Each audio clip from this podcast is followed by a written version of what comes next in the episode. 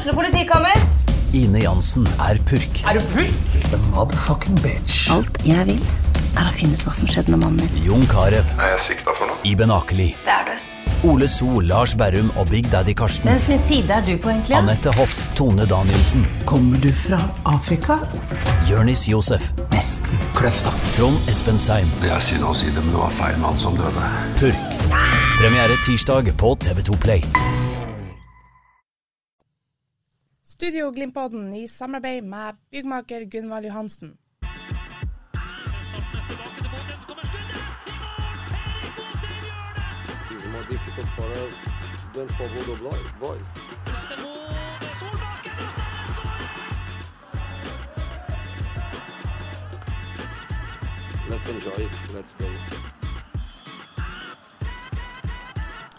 Hallo, hallo, hallo, og eh, god mandag til dere. Vi har blitt eh, veldig godt vant til å sitte her i studio etter kamper og hylle Glimt for det de har gjort. Eh, ny praktseier, det går mot gull, det går mot Europa, og hvem vet hva det ikke går mot?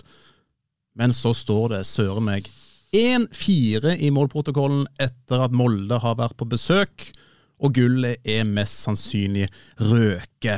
Eller har det det? Freddy Thoresen, velkommen skal du være. Er gullet borte nå?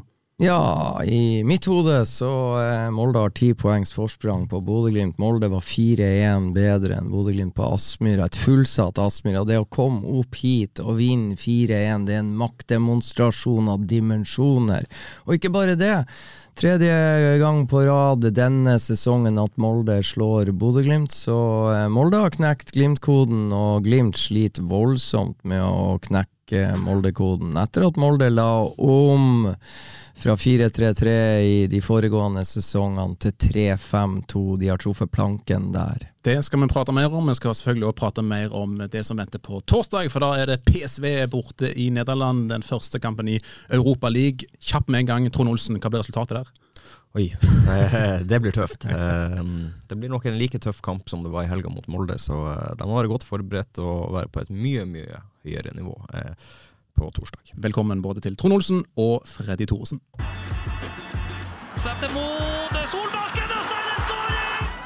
Mitt navn er Kjetil Rakene Sande og er nyhetssjef her i Avisa Nordland. Og vi skal altså først, som snakket sagt, prate om det som skjedde på Aspmyra på lørdag. For eh, det var utsolgt for første gang på veldig lenge, vil jeg påstå, i Eliteserien. Eh, på Aspmyra har vært mye utsolgt i Europa, men ikke i Eliteserien. Ramme var satt, det var flott vær. Men så går det altså bare få minutter, og så blir Pellegrino skada, og så begynner målene å renne inn. Hva gikk galt, først og fremst, eh, Freddy? Nei, hva gikk galt? Pellegrino blir skada, etter fire minutter. Eh, Glimt har corner, og Pellegrino eh, skal eh, havne bak og skal klarere et langt oppspill fra Moldes side. og Der traff han ikke helt presist, og istedenfor å klarere godt, så blir han Han får klarert, og han blir da skada. Han er jo synlig prega av de 20 minuttene han er på banen, før han til slutt da blir tatt av etter 20 minutter. Så Men jeg skjønner ikke hvorfor de lar han være på i 16 minutter til. Altså, alle ser det på stadion, at han halter, og at han ikke klarer å springe. Og så går det 16 minutter før han går av banen. Det Ja, det er irriterende, så ekstra irriterende blir det når vi vet at uh, Glimt tapte 4-1. Men, uh, men altså, årsaken Molde var mye bedre. Molde vant duellene, Molde var godt forberedt. Molde visste hva Glimt kom med. De hadde ingen problemer med å stenge rommene Glimt ønsker å true offensivt. Glimt skapte antydninger til ting som kunne bli farlig, men uh, var altfor dårlig i tredje siste pasning, nest siste pasning, så de spilte seg knapt til å åpne målsjanser mot Molde. mens det skulle uhyre lite til for at uh, Molde skapte mye på, på, Glimt. Og jeg må si 1-0-målet Trond, til, til, til, Molde, det er ei lang klarering opp, ut mot Brisveen Bangomo i, og, og venstresida til Glimt sitt forsvar, og der tapes det en og annen duell. Plutselig er Eliteseriens beste servitør, Magnus Wolff Eikrem, helt fri på høyre, slår inn foran, foran mål, og der er det kaos.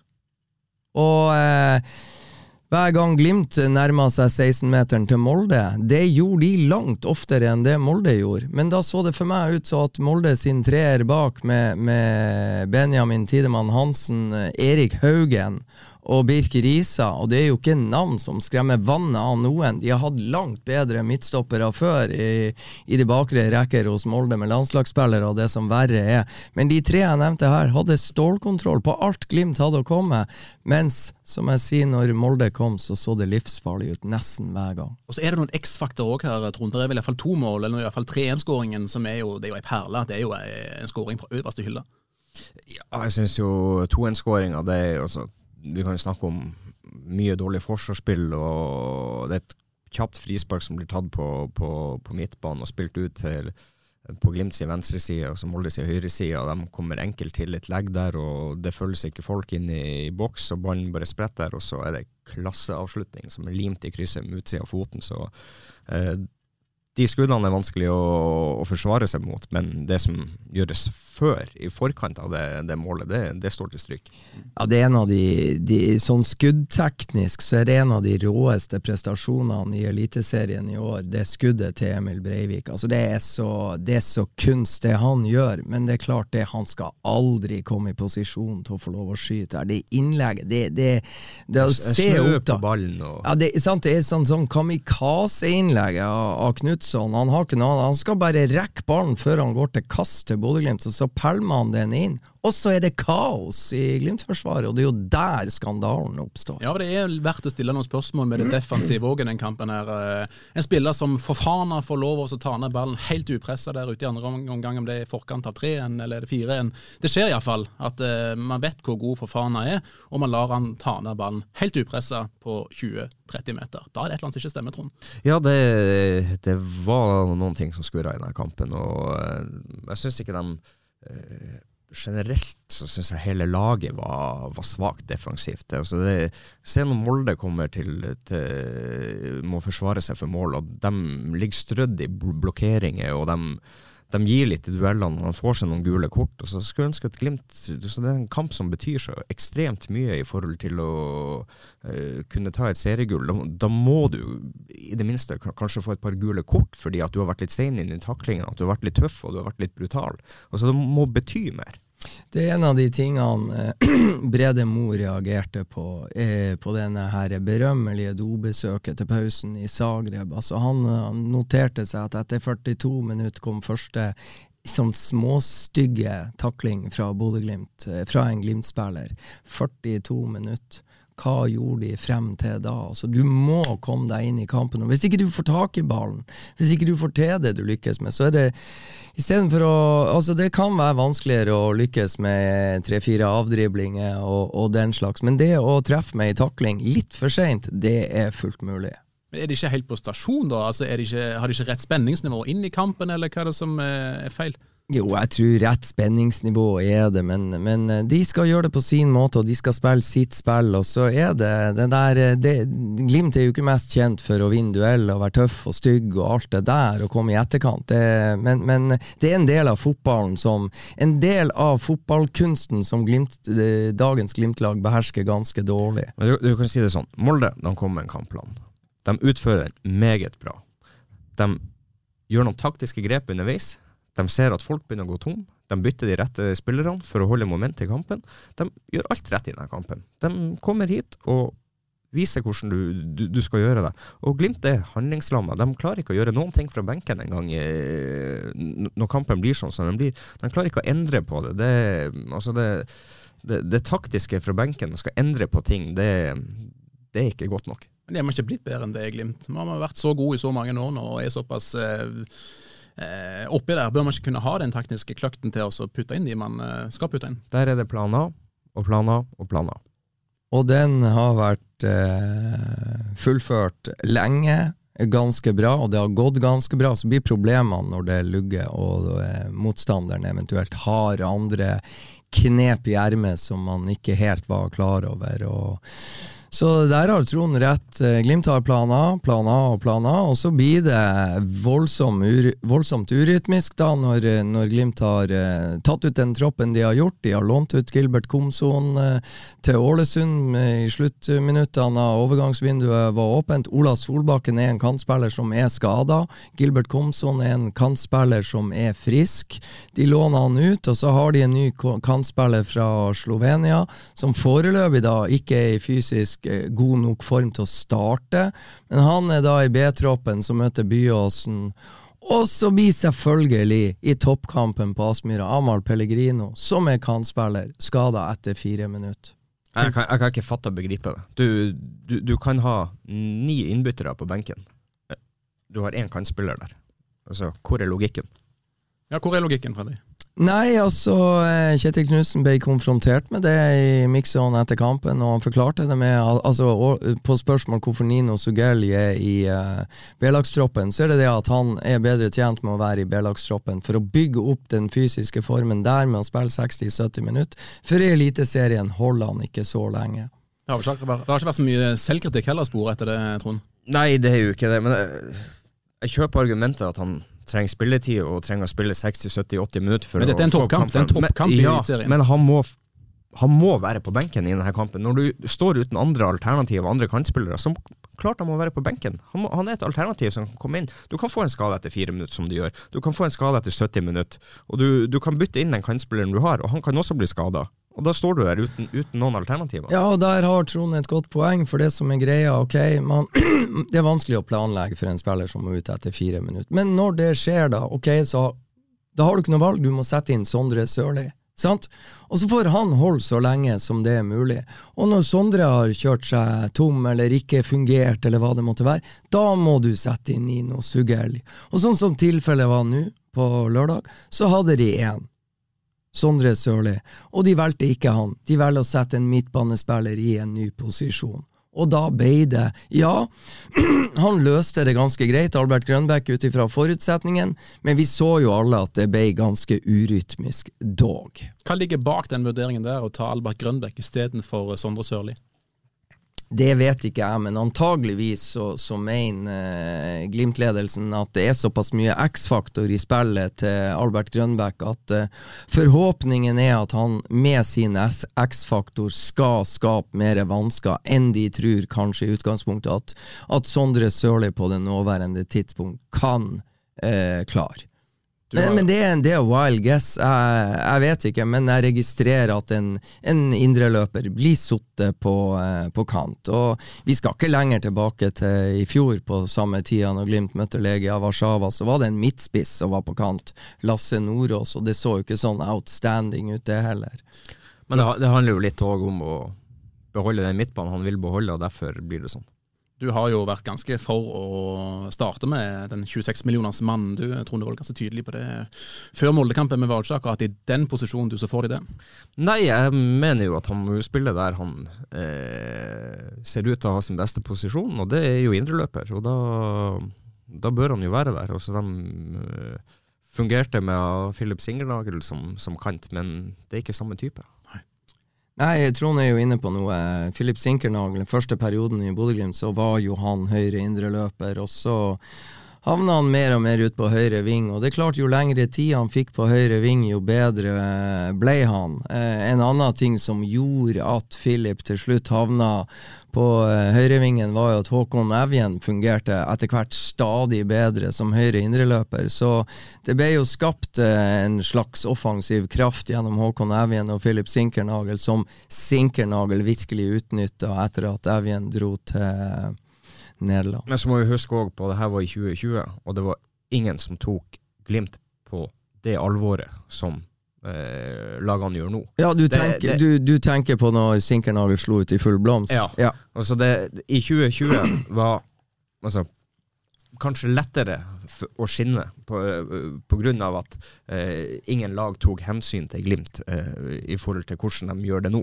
Nå er det mange mange, mange flere hensyn og hvordan du skal demme opp Glimt i, i, i årets sesong enn det var for to år siden. Godt poeng. I 2020 kom Glimt og tok eh, eh, Alle- etter, alle etter korona. Alle, ja, alle ble sjokkert av den krafta eh, Glimt hadde eh, innarbeida i sine rekker med Filip og Jens Petter og Kasper Junke på topp. Og Kasper Junke var jo ny i klubben, og Filip så ut som en gud, og Jens Petter fikk sitt store gjennombrudd, samtidig som du hadde en midtbane med Sondre Fet, Patrick Berg, Ulrik Saltnes og Brede Mo og Marius Lode i de bakre rekker, og også en Fredrik Bjørkan som begynte virkelig å fyre på nye typer sylindere. Så det der eh, satt jo en støkk i Eliteserien som varer sesongen ut. Ja, og det er jo all ære til 2020-utgaven av Glimt, for de var fantastisk gode, og de tok alle med storm.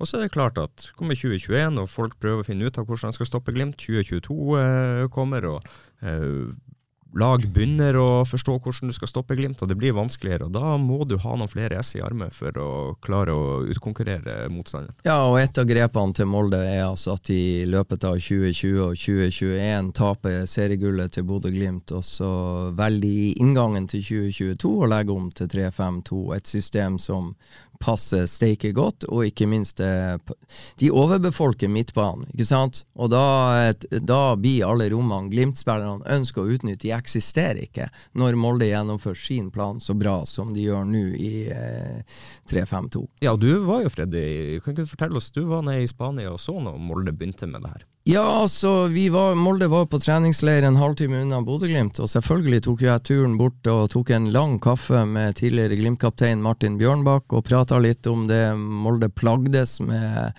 når Glimt drev og lada opp til sine to møter med Celtic, og heldigvis så fikk vi også sett eh, Molde mot et lag fra Luxembourg, Dude Lange, som de heter når jeg sier det, uttaler det på nordnorsk.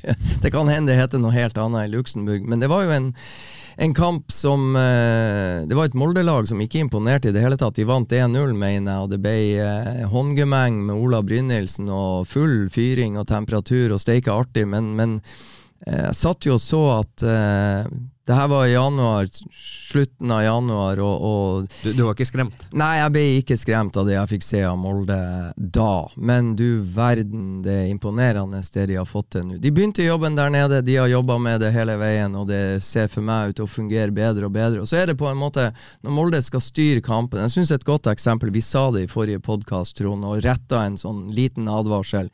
Molde taper 1-0 hjemme mot Wolfsberg fra Østerrike. En motstander som lyktes med alt. Og så kommer denne motstanderen hjem på hjemmebane og skal forsvare. De kan ikke parkere bussen på hjemmebane. De må åpne litt opp fremover. Det var nok til at Molde får inn akkurat det samme kampbildet som de ønska på Aspmyra, med å kjøre dem i senk og vinne 4-0. Og det er uhyre sterkt i uh, europacupsammenheng å vinne 4-0 borte. Og så har du Rosenborg i serieåpninga for Glimt. De sitter og ser eh, Rosenborg ser eh, Glimt eh, Celtic eller Alkmaar, Alkmaar var det kanskje, og bestemmer seg for når vi møter Glimt, så skal vi spille 3-5-2. Og de kommer til, til Aspmyra i 3-5-2 og sjokkerer Glimt. Og Glimt sliter veldig med å finne ut av det. Og sånn ble våren prega for Glimt sin del. Og det, og det er klart at du kan ikke bare tro at det, det, det vanlige skal, skal fungere. Du må utvikle det du har, og så må du ha noen grep. Hvis det her ikke fungerer, så må du klare å kunne endre på det underveis i kampene, og, og ta noen taktiske grep eh, i, i kampen. Og der syns jeg ikke trenerteamet til, til Glimt er dyktig nok. Det var flere lag som knakk den såkalte Glimt-koden nå i vår, som du er inne på, Trond. At de, de møtte i 3-5-2 og bød på mye større utfordringer enn det Glimt hadde møtt før. Men så begynte jo Glimt òg, og så kom han tilbake etter hvert og knekker litt koder sjøl. Men er det er ikke sterkt nok mot Molde, eller hvordan fungerer det der, Freddy? Nei, altså det, det er Trond, dere har helt rett, det var mange lag. Og, og det, det, er en sånn der eh, Du kan si, eh, for å ta Rosenborg, så har de der Det er ikke alle lagene som har klassen nok til å straffe Bodø-Glimt. Molde har det med, med Wolf Eikrem, Fofana og diverse fottrapper. For det skal lite til for at de skaper noe. Det så vi i cupfinalen. Det var bare å gi ballen til. Glimt drev og rulla og rulla. Til slutt så fikk Molde et brudd, og så var det å gi ballen til Magnus Wolf Eikrem, og han trylla. Da hadde han Ola Brynildsen blant annet også, eh, som han kunne finne. Men, men eh, Rosenborg hadde på Aspmyra i serieåpning Olaus Skarsheim, fottrapp, teknisk, rask eh, Carlo Holse og så Noah Holm på topp. Og det var nok til at Rosenborg skapte store vansker hver gang de fikk de bruddene de ønska på Bodø-Glimt. Det ble livsfarlig. Tilfeldighetene i den kampen gjorde at Tobias Børkeie skåra to mål på langskudd. Han har jo da siden ikke skåra noe mål. Men ikke sant, akkurat i, i, den kampen der så kom han til skudd to ganger, og skåra på begge. Men Glimt hadde trøbbel før han fikk lada fra distanse, og trøbbelet ble skapt av disse fottrappe kontringsspillerne. Viking hadde Veton Berisha og, og Slatko Tripic og et par andre som var i stand til å straffe Bodø-Glimt på farlige kontringer. De rette typene, og Molde gjenskapte det nå igjen på Aspmyra. Så Glimt hadde en periode hvor de fyra på alle sylinderne, og det er klart det er forskjell. Får du 1-0-målet og eventuelt 2-0-målet som Glimt-spiller og helgul, eh, et helgult maskineri Så lenge Glimt får de første målene, ja, da nytta det ikke med taktikken Rosenborg la opp til, Viking la opp til, eller Molde legger opp til. Men uh, igjen et annet problem med Bodø-Glimt i år. De har jo leda mot Strømsgodset. Det ble uavgjort. De leda mot HamKam to ganger. Det ble uavgjort. Og, så de har jo slitt med Lillestrøm og andre. På Aspmyr har de gitt vekk altfor mye poeng, og derfor har Molde ti poengs forsprang. Og det er jo klart, det, det, det, er jo som du sier. Og så, så kommer jo Odd hit. I den perioden Glimt er veldig god. Eh, Odd prøver å legge seg dypt, og de legger seg jo i, i, og prøver å parkere bussen, men de er jo ikke aggressive. Altså, det er jo vær så god, Glimt, spaser inn til skåringer. Ja, og Glimt får forholdsvis tidlige skåringer, og da det, det, Godt eksempel Trond kommer med her. Eh, da var Bodø-Glimt skikkelig på stasjon, skårer to tidlige mål. Odd har ikke noe motgrep uh, i det hele tatt, og er altfor passiv i sin tilnærming. Men nøkkelpunktet her, det er altfor lite kvalitet i dette Odd-mannskapet. Det er bare å se på tabellen. Det er altfor lite kvalitet til å, til å gjennomføre en sånn gameplan, spesielt når Glimt får de to første målene. Men da er faktum at uh, med ni kamper igjen, så er Molde ti poeng foran. Molde har slått Glimt uh, tre strake. Må vi nå leve med at Molde er det beste laget i Norge, og at Glimt må henvises til en andreplass, i beste fall? Ja, per dags dato så er altså, tabellen lyver jo ikke. Molde er jo det beste laget, og de uh, kommer til Aspmyra med en god kampplan. Knuser Glimt 4-1 og eh, ja, eh, leverer en, en, meget solid kamp. Eh, og så er det opp til, til Glimt nå. De, I teorien så er det mulig. De må vinne alle de ni siste kampene og håpe på at Molde går på noen stygge smeller, så, så kan du jo få litt spenning på slutten, men uh, Du ser ikke, den, ser, ser ikke den til Molde gir fra seg ni poeng? Nei, jeg klarer ikke å se den, uh, men man vet aldri. Nei. Og så er det kanskje enda verre, det er det at jeg satt og så uh, Vålerenga i går kveld mot uh, Lillestrøm, og det er et steike godtgående Vålerenga-lag. Jeg blir nesten like imponert over hvordan Vålerenga fremstår hjemme mot uh, Lillestrøm som jeg ble over det Molde presterte på Aspmyra. Det er et lag som fyrer på alle sylindere og bare blir bedre og bedre for, hver kamp som spilles. Og så er det ingen tvil om at et Rosenborg-lag som er i stand til å skåre fire mål på Viking det, Man kan si hva man vil om at Viking har slitt, men er det én kamp vikingspillerne skal klare å mobilisere til og yte litt bedre enn de har klart i det siste, så er det på Lerkendal mot Rosenborg. Og eh, de har ikke sjans. Så, så det er klart, Bodø-Glimt blir jakta nå av Rosenborg, som er ett poeng bak. Og så kommer Vålerenga, som virkelig kommer som et lokomotiv. Og så har du Lillestrøm, da, som også er av poeng med Bodø-Glimt, som vil være med. Så Bodø-Glimt har mer trøbbel nå med å For, for det er de lagene jeg har nevnt som har imponert. Og for å ta Bodø-Glimt i siste rekke, det starta. De var gode hjemme mot Dynamo Zagreb, men de var ikke gode nok til å vinne mer enn 1-0. Vi syns de presterte en, en, god kamp, en god forestilling, men de burde absolutt, og kunne, med litt mer eh, eh, hva man skal si, spisskompetanse, så kunne de ha satt både 2-0 og 3-0. De klarte det ikke. Så kommer det HamKam hjemme, 2-2. Så kommer det en forferdelig førsteomgang i Zagreb, hvor de skal kvalifisere seg inn til, til Champions League, mot et Dynamo Zagreb-lag som har stor respekt for Bodø-Glimt. Eh, jeg syns ikke Dynamo Zagreb var eh, fryktinngytende eh, i Zagreb, men det var mer enn nok da til slutt å vinne 4-1. Så var det en, liten, en grei gjennomkjøring i Grimstad, 2-0-seier. Men der syns jeg det er årsaken til at Glimt vinner 2-0, er at de har en mye bedre stall enn det nest dårligste laget i Eliteserien kan vise til. Og så kommer da denne 4-1-kampen. Så det begynner å bli en stund siden nå at Glimt har vært eh, god. Og den gode stimen må de finne tilbake til. Ja, og vi prata jo ofte her tidligere i sesongen om at Glimt slipper eh, til for enkelt og slipper inn for enkle mål. Eh, nå mot Molde så syns jeg vi er litt tilbake der. Eh, Molde har noen feite sjanser de kan sette. Spesielt fra de fem første minuttene i andre omgang. Ja. De to store de kommer med der. Ja, og så har de en stor en i første omgang der eh, fire mann kommer på linje isteden. Hvis In, Inn, innlegget fra høyre går rett igjennom feltet Ja. fordi at samtlige Molde-spillere kommer på samme Ja, linje. Hvis eh, Kristoffer Haugen holder løpet litt igjen, så er han på ja, åpent Da, mål, stort sett. da setter han 1-0 veldig enkelt. Ja, så det, det, det, det er litt der òg at denne kampen syns jeg var et stort steg tilbake i forhold til både det, det defensive og den offensive trusselen vi er vant med å, med å se. Så det Ja, de har litt å jobbe med. Og verst av alt, ja, Glimt har en del skyts eh, i ermet som er skada, type Ola Solbakken, Brede Mo, Molde har skada de òg. Og han som har drevet og skåra mål og avgjort de siste seriekampene før de kom til Bodø, det er Martin Linnes. Uh, han var jo ikke i tropp og er skada. Så de har mer å komme etter hvert og har slitt like mye med skader i store deler av sesongen som Bodø-Glimt har gjort. Og for å ta vår gamle kaptein Martin Bjørnbakk. Han har, Bjørnbakk han har vært skada all the way, og han er nå per definisjon egentlig bedre enn alle de midtstopperne som spiller. Men, men, men så ser du også Molde.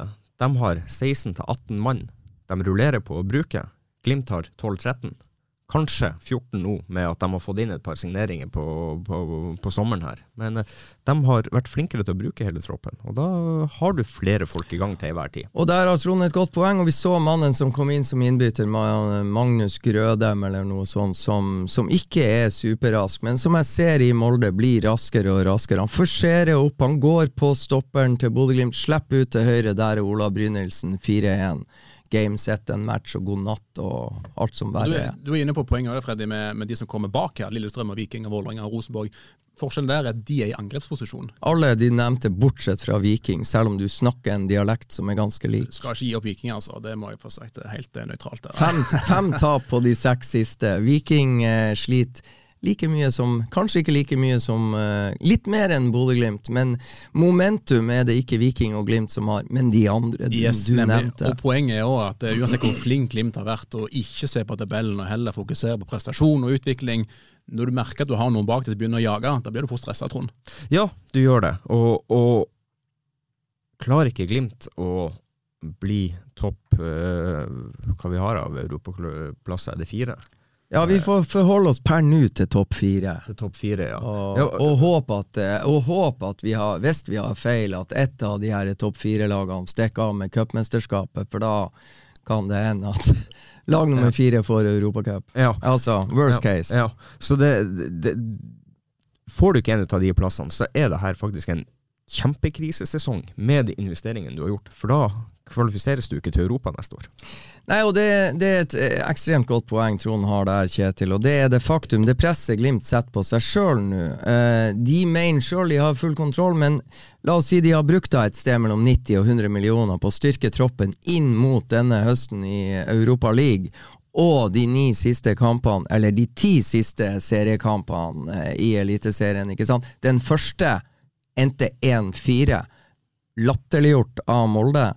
Det er klart, det er ingen tvil at media nå kommer til å ha fokus resten av sesongen på alle disse millionene Glimt har brukt, og det kommer det til å være om de vil det eller ikke. Og så er spørsmålet hvordan tåler de å få det, og bli konfrontert med akkurat den enorme satsinga si for hver gang de stiller i intervjusone etter kamp. Og så er det Poenget også det at eh, europaplass er det vel kun til de tre øverste på Eliteserien sånn per nå. Det avhenger vel litt av hva poeng man klarer å, å hente i Europa nå denne sesongen. Men eh, med førsteplassen gir Champions League, de to neste gir Conference League, og så er det vel en cupfinale òg som eh, gir Conference League. Og Skal du ikke få et Glimt i Europa neste år, så vil jeg nesten påstå at det er en skandale med Ja, de pengene de har brukt. Ja, det, det er en skandale, for de har satt seg i en posisjon der de er nødt til å være i Europa.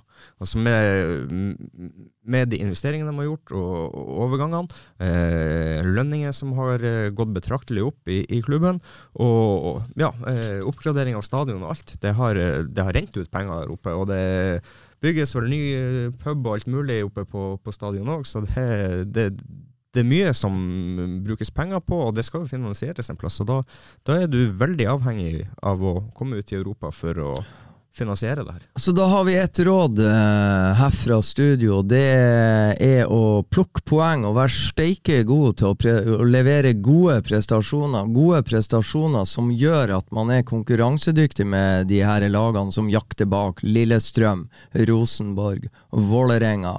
De er i ferd med å sette lista. Glimt må prestere like bra, om ikke bedre enn de.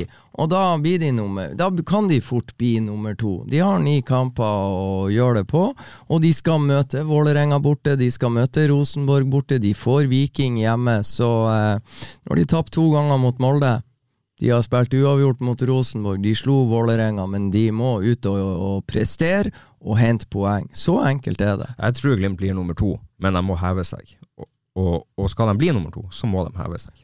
Og så er det klart at eh, Ginu Patrick Berg hadde vel ikke noe drømmegjensyn med Aspmyr. Han ble avkledd av Sivert Mannsverk. Jeg tror det er med å trigge Patrick Berg, og eh, jeg regner med vi får se han enda litt bedre ganske raskt Men jeg- fremover. En ting som jeg må spørre om, Freddy, for det er du som er så tett på klubben og, og vet mye hvordan de tenker og jobber. Dette med prestasjonsfokus var de jækla nøye på i 2019, 2020, 2021. Du, du hørte de spillerne si det til de kjensommelige i, i mixzone. Så lenge de eh, har hatt en god prestasjon, så er det samme FK som går med resultatet. Sånn som jeg leser de uh, utenfra, så nevner ikke det her med prestasjon like ofte nå. Det er mye mer resultat. eh, kanskje til Nei. å se på tabell. Stemmer det, eller er det bare Nei, jeg som det er nok jeg som var i Mixon på lørdag og var veldig resultatfokusert, og jeg registrerer at svarene til Patrick Berg og Ulrik Saltnes er veldig gjenkjennelige, også Kjetil Knutsen. Jeg ble på et vis litt sånn der, ikke irettesatt, men jeg, de har den samme tilnærminga.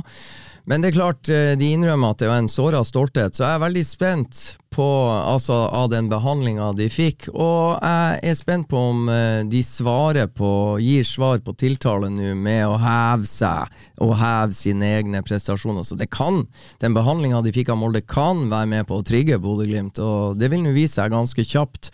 Det er torsdag, PSV Eindhoven, og så må de fremstå på en helt annen måte på Alfheim på søndag. Det er det ingen tvil om. Studio Glimpodden i samarbeid med byggmaker Gunvald Johansen.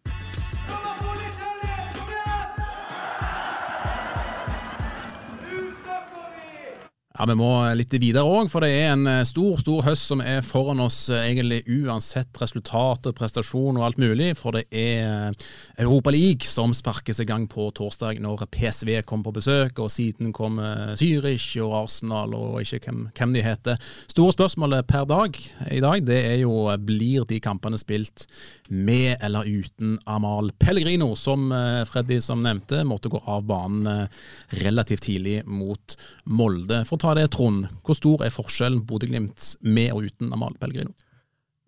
Du får jo eh, Eller, du får ikke. Du, du mister en ekstremt god målskårer. Um, han er veldig flink til å finne posisjoner inne foran mål, eh, lukte mål og eh, ja, har, har skåret mye mål. Altså, i, I spillet så er jeg ikke så sikker på at du, du, du mister så fryktelig mye, men i det her med å få, få noen skåringer, så mister du masse.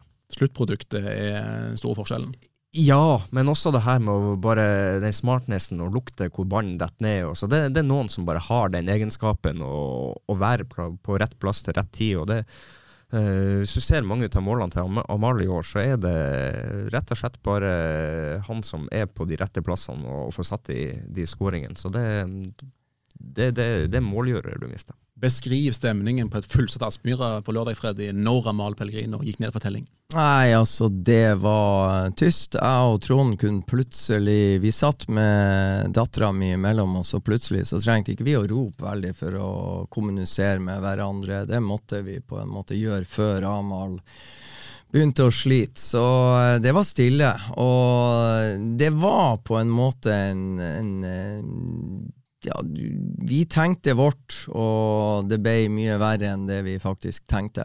For de mister, de mister Altså, det skal steike lite til for Amahl Pellegrino å skåre.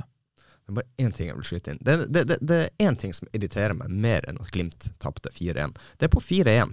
Da ryser publikum seg opp og går hjem fra stadion. Vet du hva, Jeg, jeg blir så forbanna ut av det. Altså, her, vær der, støtt laget. Ok, vi taper 4-1, men bli nå for faen på stadion til kampen er ferdig. Ikke gå hjem når det er ti minutter igjen. Ja, men Er det ikke fordel å kunne komme seg litt ut før andre og slippe denne køen? Nei, nei, nei. nei, nei. Altså, du skal være altså, her, her, I medgang og ja, motgang. og her klager folk på at de ikke får tak i billetter til Arsenal og bla, bla, bla. Ok, er det 4-1 mot Arsenal? Leder Arsenal 4-1? Går de hjem da?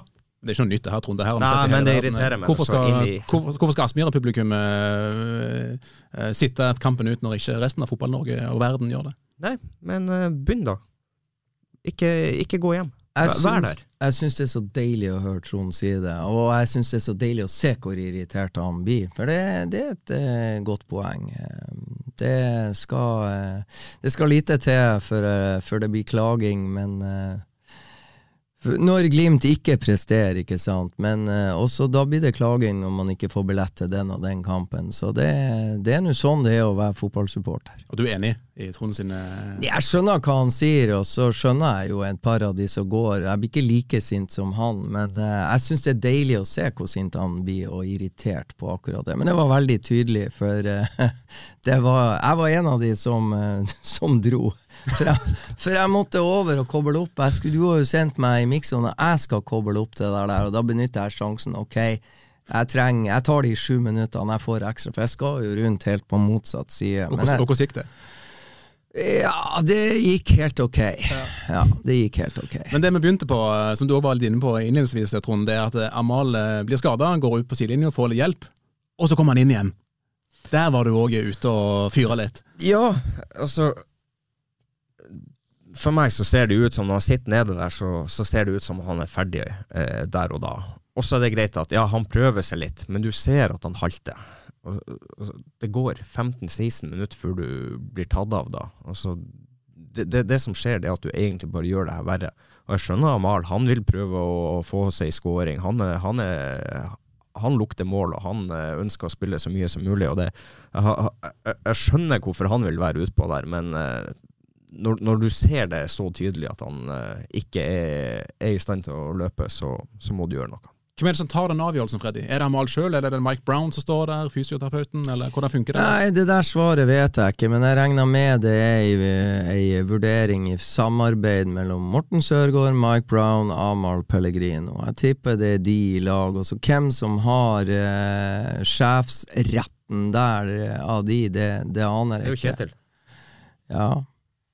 Men eh, Kjetil er jo ikke ute, og Kjetil må jo Kjetil er ikke lege, og Kjetil må på en måte støtte seg litt, tror jeg, til, eh, til Sørgaard og sånn. Men jeg tror det er ei sånn der eh, det er sånne ting som det kan være greit å ha diskutert i forkant, og så er det nå Morten som har den, den beste kompetansen. Men Trond, du har vært spiller sjøl, og jeg regner med du har, du har løyet til både fysio og leger underveis en og annen gang i kampens hete. Det er bare en liten mistanke jeg har. Jeg har aldri sagt at jeg er skada, men, eh, men, men, men når det er så tydelig det, det, Denne her syns jeg eh, Den er så tydelig. og Du, du ser det, han holder seg til låret hver gang han har eh, løpt noen meter, og det, det stoppes, og det Ja. Det, det er, jeg er helt enig med deg, Trond, men jeg vil vite, har du noen gang løyet til en fysioterapeut som kommer og har lyst til å nappe deg av banen, eller en trener som lurer på er du sliten, Trond? hver gang. Men da er på Nei, men herregud, da, nei, men, men, men, men hva har man ikke gjort for å spille? Man har satt sprøyte i ei knekt tå, Ja. ja. ikke sant, det Poenget mitt med å få det her bekrefta, er at akkurat disse tingene skal trener, eh, lege, fysioterapeut vite, og spesielt hva er forskjellen på Trond Olsen, Alfons Samsted, Patrick Berg, Marius Høybråten. Altså, for å ta Marius Høybråten, hvis han sitter nede, da bør man sperre opp øynene, for han er aldri skada. Så da, hvis han ikke klarer å fortsette, da, er, da, er det, da vet til og med jeg at da kan det være alvorlige saker på gang. Hvorfor spurte om det, Trond, du som har spilt en, en lang karriere. Hva, hva er noe, du, noe av det mest kreative eller sykeste du har sett i forhold til det å få spillere klar? Du snakker om sprøytige, knekk tå. Tar du den på sparket? Ja, jeg, jeg kan jo bare snakke ut fra meg sjøl, men ja, jeg har eh, Jeg knakk ei tå eh, ja, for masse masse år siden. Da, det var lille tåa da. Og jeg hadde så vondt i den, men jeg satte ei sprøyte med smertestillende, så kjente ingenting. Så det, det gikk fint, det. Og hvordan føltes det etterpå? Nei, det er ikke noe problem, for det er jo ikke noe du kan gjøre med en tå likevel. Den må nå bare gro seg sjøl, så hadde den blitt litt skeiv, så hadde den blitt litt skeiv. Men det er noe Det kan gjøre meg ikke for å Det, spille ver det verste er antageligvis sprøytestikket, for ei sprøyte i eh, foten der nede ved tåa, det, det er ganske ømt der nede. Ja, men man- har jo selvfølgelig man har, man har gjort mye for å, for å være klar til kamper og, og, og spille de kampene. Man ønsker å spille kamper, det er jo det man trener for. Og jeg har slitt med lyskene. og det var nå litt eh, tabletter for å få det til å fungere og før man blir operert. Så det Ikke noe, Ja. spr- ikke noe sprøyte i lusken? Nei, ikke for min del i hvert fall. Så, men sånn er det nå. Det er noe Nei, men eh, jeg fikk se, for å ta sprøyte i lysken, så fikk jeg se lyskene til Kasper Junker da han kom til Bodø-Glimt fra Stabæk, og det, det var ganske sykt å se forskjellen på den ene lysken sammenlignet med den andre, der han hadde fått sprøyta, for det så jo ut som altså det var jo, så ut som et sånn mis, misfoster på et vis. Eh, så det var, det var tydelig at ikke det der eh, var sånn supersmart. Det ble en superlang digresjon her, men tilbake til Amahl Pellegrino. Nå går flyet til eh, Amsterdam eller til Nederland eh, i morgen med Glimt. Klokken 14.00 flyr de. Det store spørsmålet er det med eller uten Amahl Pellegrino. Vi har jo nøsta litt i det i dag, Freddy, hos eh, Morten Sørger og co. og fikk jo egentlig ingen svar i det hele tatt. De, eh, de vil iallfall ikke si noe til oss om hva type skade det er snakk om ennå, eller hvilken undersøkelse de har gjort.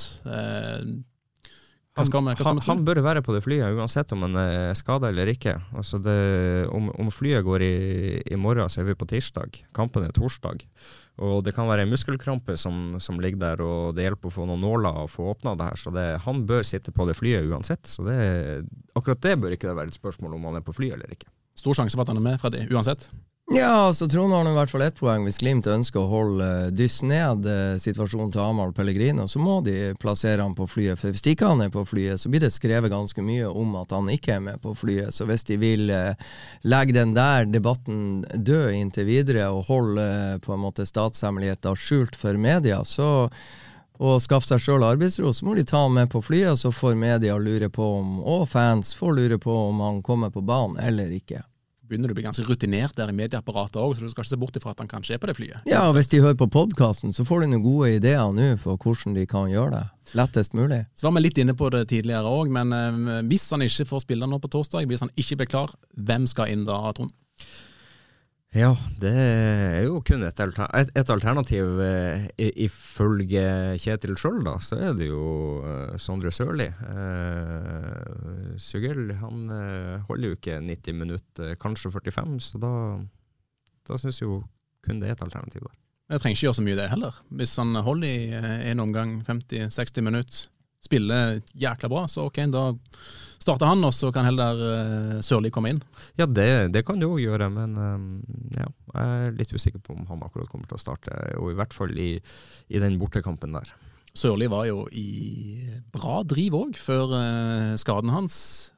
Og så kom Solbakken. Men uh, Sørli har vel ikke helt levd opp til det potensialet som mange uh, trodde han hadde, eller mente han hadde. Nei, du kan si Sørli, eh, Sondre Sørli fikk en alvorlig korsbåndskade. Det tar tid å finne rytme, det tar tid å bli trygg, og jeg vil minne om uh, Philip Sinkernagel som, som uh, brakk ankelen i sist, nest siste seriekamp på Aspmyra mot Vålerenga i 2018. og Han brukte første halvåret av 2019 som Glimt tok sølv til å bli på en måte trygg, og så blomstra han litt eh, høsten eh, 2019, og så eksploderte han i 2020. Så det tar litt tid, det der. der.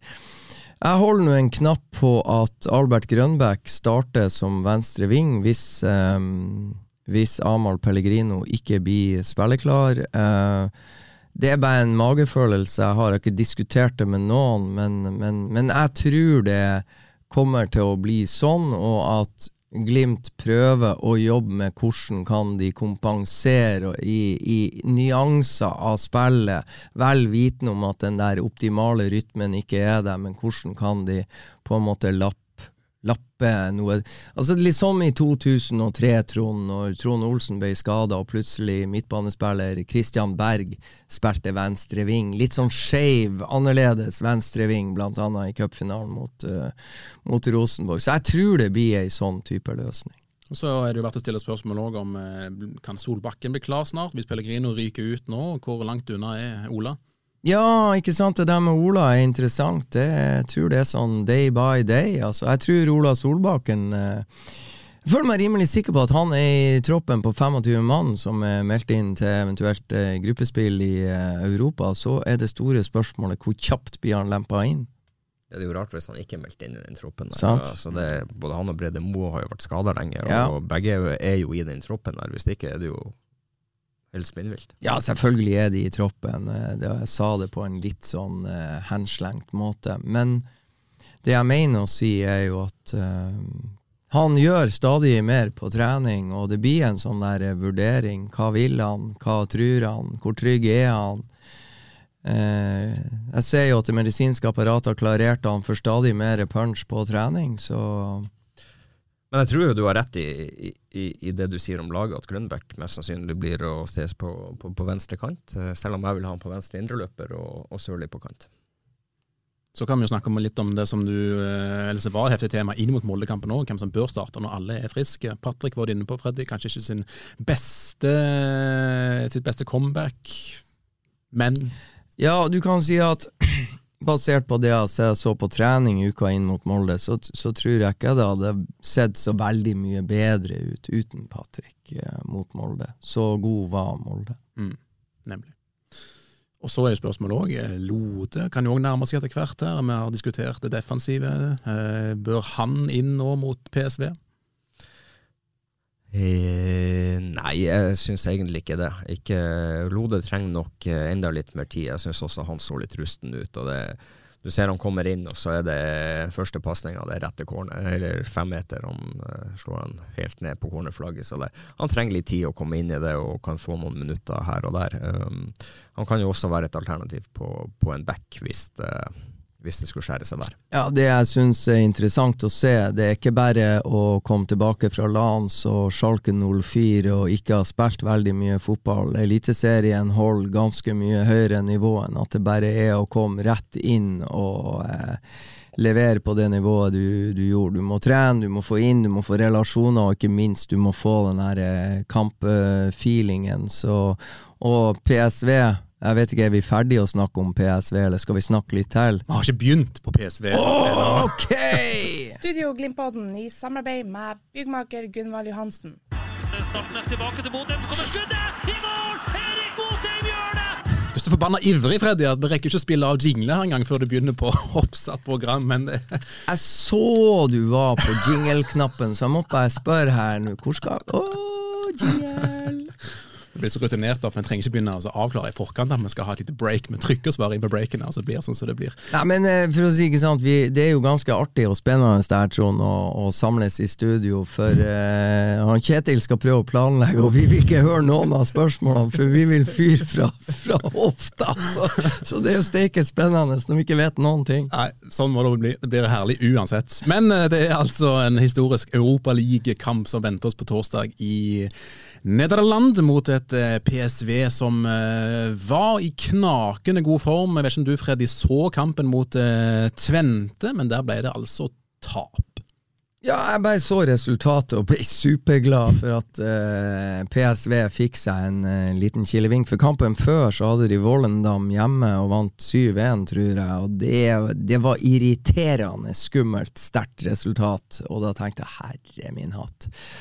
Altså, og Tvente var noe, Tvente er et godt lag som var og eh, jobba og kriga for å komme seg ut i store Europa. Jeg husker nå ikke i farta om de klarte det, jeg tror de gikk på trynet. Men eh, det var gledelig å se at PSV ikke bare sånn flyt på bølgen, at de også fikk litt sånn nære ting å irritere seg over før Bodø-Glimt kom.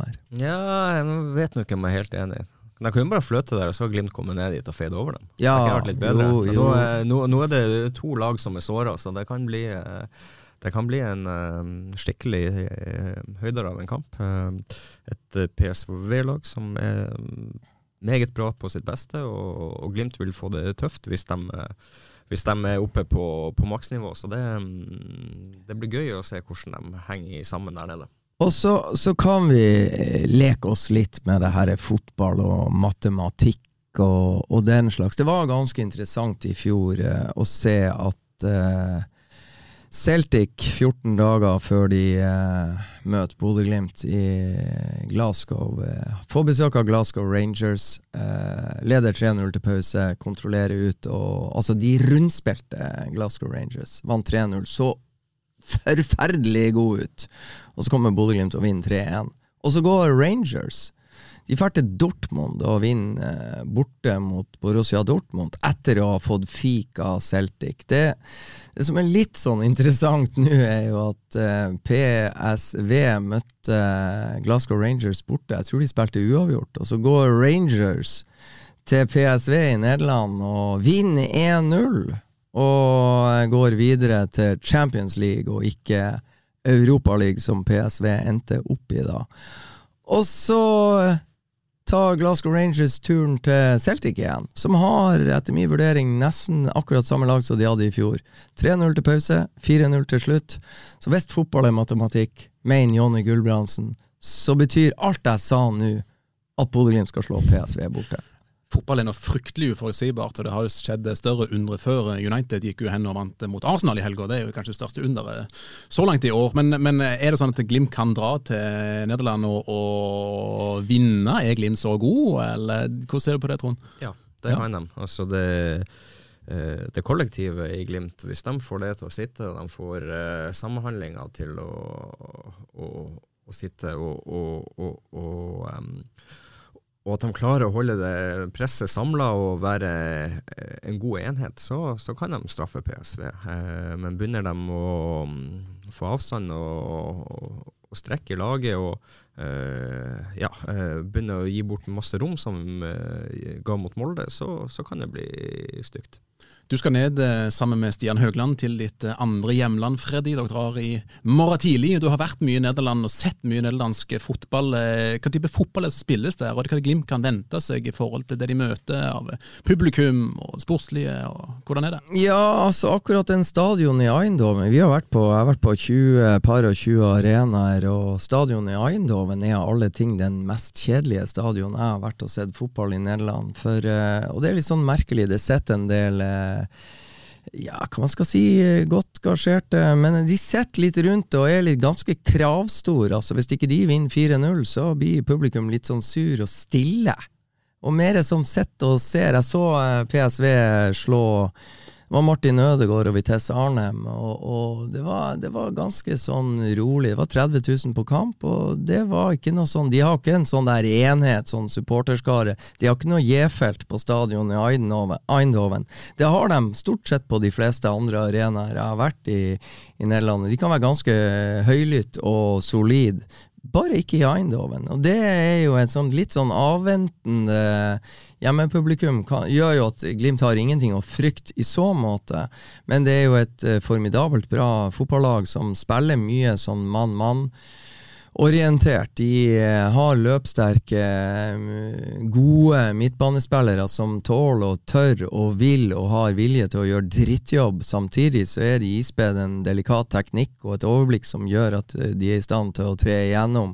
Gapko, som er en svær, rask angrepsspiller som skårer mye mål, og Henk Wehrmann, som er på, på midtbanen Nei, Henk heter han ikke, han heter Joey Wehrmann. Han så vi første gang Vi var på tur i, på nivå to i Nederland, for Vollendam for øvrig. Og vi beit oss merke i han allerede når han var 19-20 år. Nå er han en av stjernene i PSV. Så eh, nei, det er et godt fotballag, men eh, Trond har helt rett det fotballaget til PSV det er, ikke, det er ikke bedre enn at de taper 0-1 hjemme mot Glasgow Rangers. Så de kan gå på miner også mot lag som Bodø-Glimt. Men da må Bodø-Glimt være uhyre god og presis i alt de foretar seg. Det kollektive Bodø-Glimt må yes, være godt. Yes, yes. Da nytter det ikke å ha én og to spillere som ikke henger med. Det, enheten må være på plass. Du må ha hele laget med, og så kan du ikke ha noen som faller ut. Eh, bare sånn, eh, Vi går jo i disse fanshoppene. eh, Det var også en sånn der eh, interessant observasjon vi gjorde når vi kom i fanshoppen til PSV Eindhoven for å se etter PSV Eindhoven-utstyr. Så går vi litt sånn innenfor dørene. Det er pinadø en sånn fanshop hvor du kan kjøpe effekter både til Manchester United og Real Madrid og andre ting. Og det var helt sånn Hva i alle dager er det her slags tøv? Så det er ganske mye rart med PSV Eindhoven. Jeg aner ikke hvorfor de legger en annen type support supportershop-butikk inni sin egen supportershop-butikk, men det var vi mange i den delegasjonen fra Bodø som reagerte kraftig på, deriblant et par Arsenal-fans, som vil ha seg frabedt å se andre klubber sine effekter når de er for å hente PSV Eindhoven-effekter. Og så også som sagt, veldig sånn avventende Litt sånn sossepublikum, vil jeg påstå. Så det er, et, det er supportere som er vant til medgang, og de skal underholde. Så det er ikke så mye piping på hjemmelaget, men det er mer sånn at de sier ikke en dritt. Det var veldig stille der. Hva er et eh, godt resultat for Glimt der nå på torsdag? da? Ja, alt annet enn tap vil jeg påstå en god prestasjon og et godt resultat for Glimt. Ja, det er jeg helt enig i. Så det er bare å se på, på PSV sine siste tre kamper. De vant øh, 1-6 borte, 7-1 hjemme, og så tapte de siste kampen 2-1. Så det er jo et lag som kan å skåre mål, og har skåret mye mål så langt i sesongen. Eh, så får du med deg et poeng der nede, så hadde jeg tatt det hver dag. Og da er det, ja. Ja, og, og sist gang jeg mener PSV var i Norge, så om de vant 3-1 eller 4-1 på Lerkendal, jeg husker ikke helt, men altså, da var eh, på en måte snittalderen til, til PSV altså Det var en ihatteren på 17-18 år. De hadde en Altså, de var i snitt en sånn 20-21 år, og så hadde de ispedd et par sånne rutinerte ringrever i det laget. Så, så eh, det er mye ungt, talentfullt, en del spillere vi ikke har hørt så veldig mye om, men, men det er klart det er et godt lag, og han der er Gapko på topp. Ja, det er handfull. Han er rask, sterk, teknisk. Skårer på hodet, skårer med høyre, skårer med venstre. Så ja mm, Det blir uh, mye stoff fra Eindhoven uh, utover uka når du, Freddy, og Stian Høgland skal ned uh, dit. Det blir opptrapping på ANTV på onsdag med en sending derfra. Vi skal også ha forspillsending fra Eindhoven på torsdag, Freddy. Og så skal dere selvfølgelig dekke kampen òg, så det blir nok å få med seg på AN sine kanaler utover uka. Noe til slutt, Trond, du vil legge til? Nei, uh, nå har Gå for faen ikke hjem fra kamp før kampen er slutt! Nei, ikke helvete. Men uh, nei, vi har, um, vi har vært litt strenge og litt uh, brutale i dag, men uh, heia Glimt. Freddy? Jo da, jeg syns uh, Trond har rett, men, men uh, det er, hvis vi tar de fire siste kampene Det, det begynner å bli en stund siden Glimt har fyra på alle sylindrene og sett ut som den uh, uhyre sterke lagmaskinerienheten som vi er blitt vant til å, å, å se når de er ute i aksjon. Så de har en jobb å gjøre, og de jobber med det. og Så håper jeg de, de, de får litt sånn positiv feedback allerede på torsdag. Og, ja, det, for kampene kommer tett, og det er det fine. Eh, det er ingenting som blir så fort glemt som en, eh, som en fotballkamp. Så det, kommer det en ny kamp, så de får på en måte muligheter til å vise at vi tar feil for, for, hver dag som går. Og Det starter på torsdag, og det er søndag, og så er det en ny kamp, og så er det i Europa, og så kommer det en ny seriekamp. Så kampene kommer tett, så det er bare å vise at vi tar feil.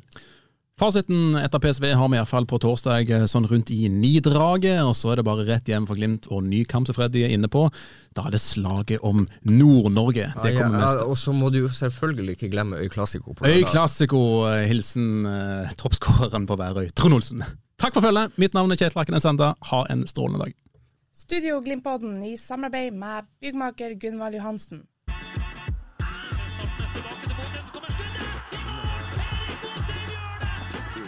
It's more difficult for us than for Bodo Bli- boys.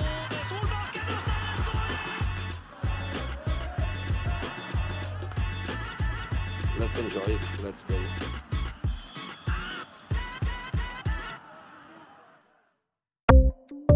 Ukens annonsør er HelloFresh. HelloFresh er verdens ledende matkasseleverandør og kan være redningen i en travel hverdag. Mange av oss har nok vandret i butikken både sultne og uten en plan for middagen, som ender med at vi går for de samme kjedelige rettene gang på gang. Middag burde være dagens høydepunkt. Som HelloFresh kan du nå velge mellom 25 ulike retter hver eneste uke, eller få HelloFresh til å sette sammen menyen for deg. Dette gir deg muligheten til å prøve nye og spennende retter alene eller sammen med familien. Du velger antall porsjoner og får alt levert på døren på et tidspunkt som passer for deg. Oppskriftene er enkle, og maten er lett å lage både for store og for små. Ved å få alt levert hjem får du også mer tid til å dele matgleden med familie og venner. Kanskje det frister med asiatiske tacos eller greskinspirert kylling? Da kan jeg anbefale deg om å gå inn på hellofresh.no. Her kan du bruke koden FOTBALL og få opptil 1779 kroner i rabatt på de første fem matkastene hvis du ikke har prøvd HelloFresh tidligere. Du kan også bruke rabatten hvis du har vært kunde og stoppet abonnementet ditt for tolv måneder siden eller lengre. Gå inn på hellofresh.no og bruk koden FOTBALL. Har du et enkeltpersonforetak eller en liten bedrift? Da er du sikkert lei av å høre meg snakke om hvor enkelt det er med kvitteringer og bilag i fiken, så vi eh, gir oss her, vi. Fordi vi liker enkelt. Fiken superenkelt regnskap.